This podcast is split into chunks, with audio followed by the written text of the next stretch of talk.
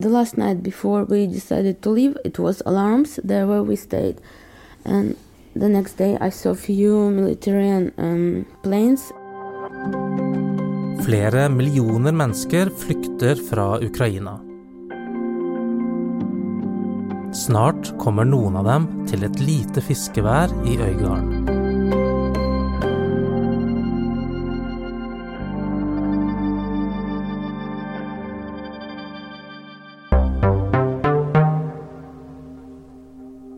Europa står midt i den største flyktningekrisen siden andre verdenskrig. To uker etter at Russland invaderte Ukraina, har over to millioner mennesker flyktet fra landet.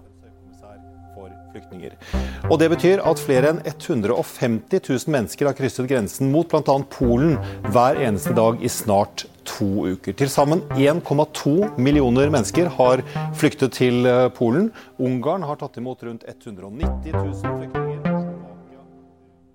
I Bergen er tre hoteller omgjort til akuttmottak.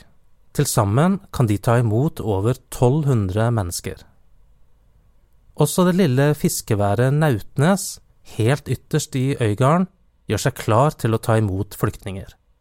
150 mennesker skal innkvarteres her. Nautnes er ikke stort. Stedet består av noen klynger med bolighus som ligger spredt mellom holmer og idylliske viker. Helt nede på kaien ligger 20 ferieleiligheter som nå blir omgjort til mottak.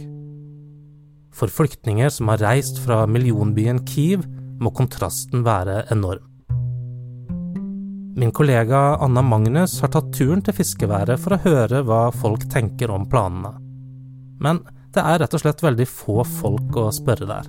Ja, vi, skal, vi, lager en episode hvor vi forteller om alle flyktningene som kommer. Og så litt sånn Ok, men hvordan, hvordan er det for dere som bor på denne nydelige lille plassen?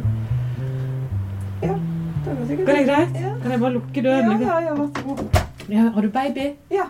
Vil du komme inn i sted òg? Ja, kan jeg det? En av de nærmeste naboene er Karina Hovden, som er hjemme med fire uker gamle Lasse. Han ligger og koser seg i babyposen sin, mens vinden uler utenfor i det idylliske landskapet. Anna spør hvordan Karina tror at flyktningene kommer til å bli tatt imot. Det går helt fint. Vi ønsker de velkommen. Så håper de finner seg godt til rette her. Så jeg har jo ikke noe mer informasjon om hvor lenge de skal være her. Jeg håper bare at det er noen som hjelper de å komme i orden, og det er jo ikke noen butikk i nærheten, så at, at, de får på en måte eh, skyss til butikken, f.eks., eller at det blir organisert på noen måte. At ja, hva kan de finne på her? Gå på tur. Ja. Nyte av sola og sjøen. Stort sett. Det, hva er det dere gjør her, da? Eh, gå på tur og føde unger. Bare noen minutters eh, kjøring unna er de to første flyktningene i kommunen allerede på plass. Anja Novitska og hennes fire år gamle datter Jana har bodd der en eh, drøy uke nå. De har flyktet gjennom Ukraina, Romania og England før de kom til Øygarden. Der har de flyttet inn i huset til Unni Instefjord, som ble kjent med familien da hun eh, besøkte Ukraina for noen år siden.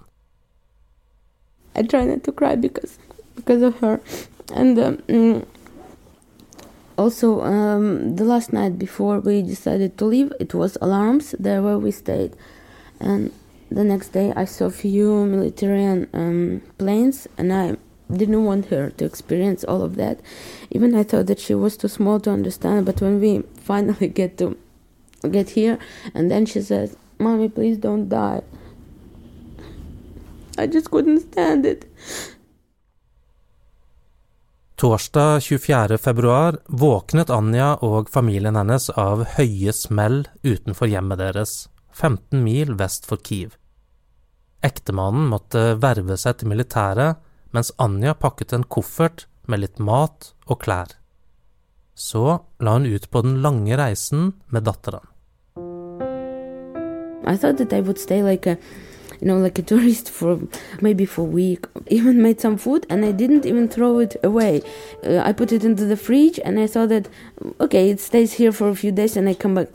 Just took some clothes for myself and for her, like for two days, and that's it. And then we had to leave the suitcase somewhere in Romania and we came and I'm very thankful that people helped us and we could buy her some nice stuff here. Anja er sterkt preget mens hun forteller om eh, den slitsomme reisen. Når hun gråter, kommer lille Jana for å tørke tårene til moren. Can you ask her to tell me her name? Как тебя зовут? Скажи имя, фамилию. Яна, А как на фамилия? Новицкая, Яна Новицкая. А сколько тебе лет? А сколько? Фо, Four. She's four. Jana fylte fire år dagen etter at de kom til Øygarden. Da hadde de et lite selskap for henne i dette nye, ukjente landet. I was so blessed and thankful because we had a party and somebody even brought her cake and presents and she uh, when it all the party finished she said there were so many presents and so many people but there were just only 7 of us but she thought it was so many people at home we bought balloons already and because she likes rainbows and then suddenly you leave and you can't take anything with you i just only took her one toy but now she has too much i guess so Når eh, mennesker ber om beskyttelse i Norge, er hovedregelen at myndighetene skal vurdere hver enkelt søknad for seg. Men denne gangen har regjeringen gitt kollektiv beskyttelse til alle ukrainere. Det er første gang siden krigen i Kosovo på 90-tallet. Det betyr at alle får midlertidig opphold i ett år i første omgang, og at det vil gå raskere å hjelpe dem. So we are also affected.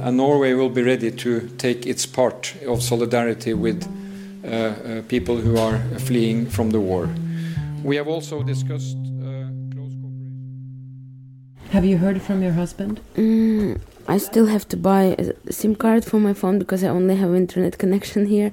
And yesterday, um, the place where my in-laws stay, they get only contact with my husband because he's not allowed to use a regular phone, so he can only call them.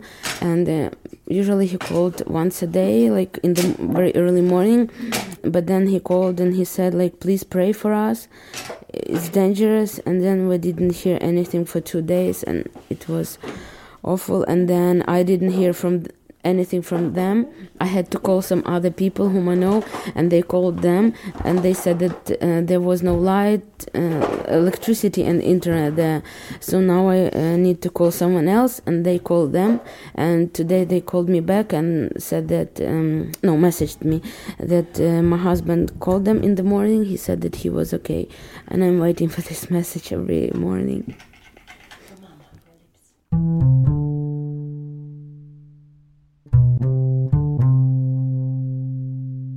first days when I came, I couldn't do anything, but I, w- I felt guilty that I was okay. I don't know why it happens, but later I read that many people have this feeling. It's something like survivor syndrome or something like that, but th- that's what I've been told here. But it's awful. But I couldn't do anything else. If I would be alone, maybe I would stay, but I had to protect my child.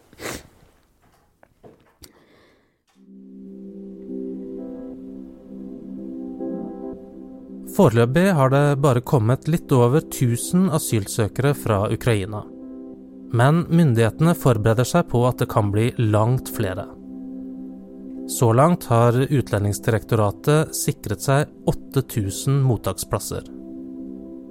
Det er mange som ønsker å hjelpe nå. Fyllingsdalen teater sendte to busser til Polen for å kjøre flyktninger til Bergen. Men myndighetene advarer privatpersoner som ønsker å bidra. Hvis man henter ukrainere til Norge uten at de har riktige dokumenter, så kan man bli straffet for menneskesmugling. Anja sier at eh, selv om hun har kommet seg ut av Ukraina, så er tankene hennes fortsatt der. They try to entertain us in a way, but I feel like, uh, you know, even when I first, I was here for three weeks, I guess in 2015, and I was looking at this nature and everything, and I was so amazed, and it's like, you know, it's very beautiful here, but now I look at this beauty and I can only see those pictures of my country. You can't just go to another country and have like have fun or at least be okay. So uh, I just hope it all finishes soon. And my husband he sent me a message the day before her birthday. He said that he won't be able to have internet access, so he sent a video message and he said like he mm, said to our that like congratulations on your birthday and be a good girl and he asked me to protect her and to take care of her and then he said and when it all finishes I will come. Hva skjedde er en podkast fra Bergens Tidende, og i denne episoden har du hørt klipp fra NRK. Denne episoden er laget av Anna Offstad, Anna Magnus, Arve Stigen og meg, Rune Christoffersen.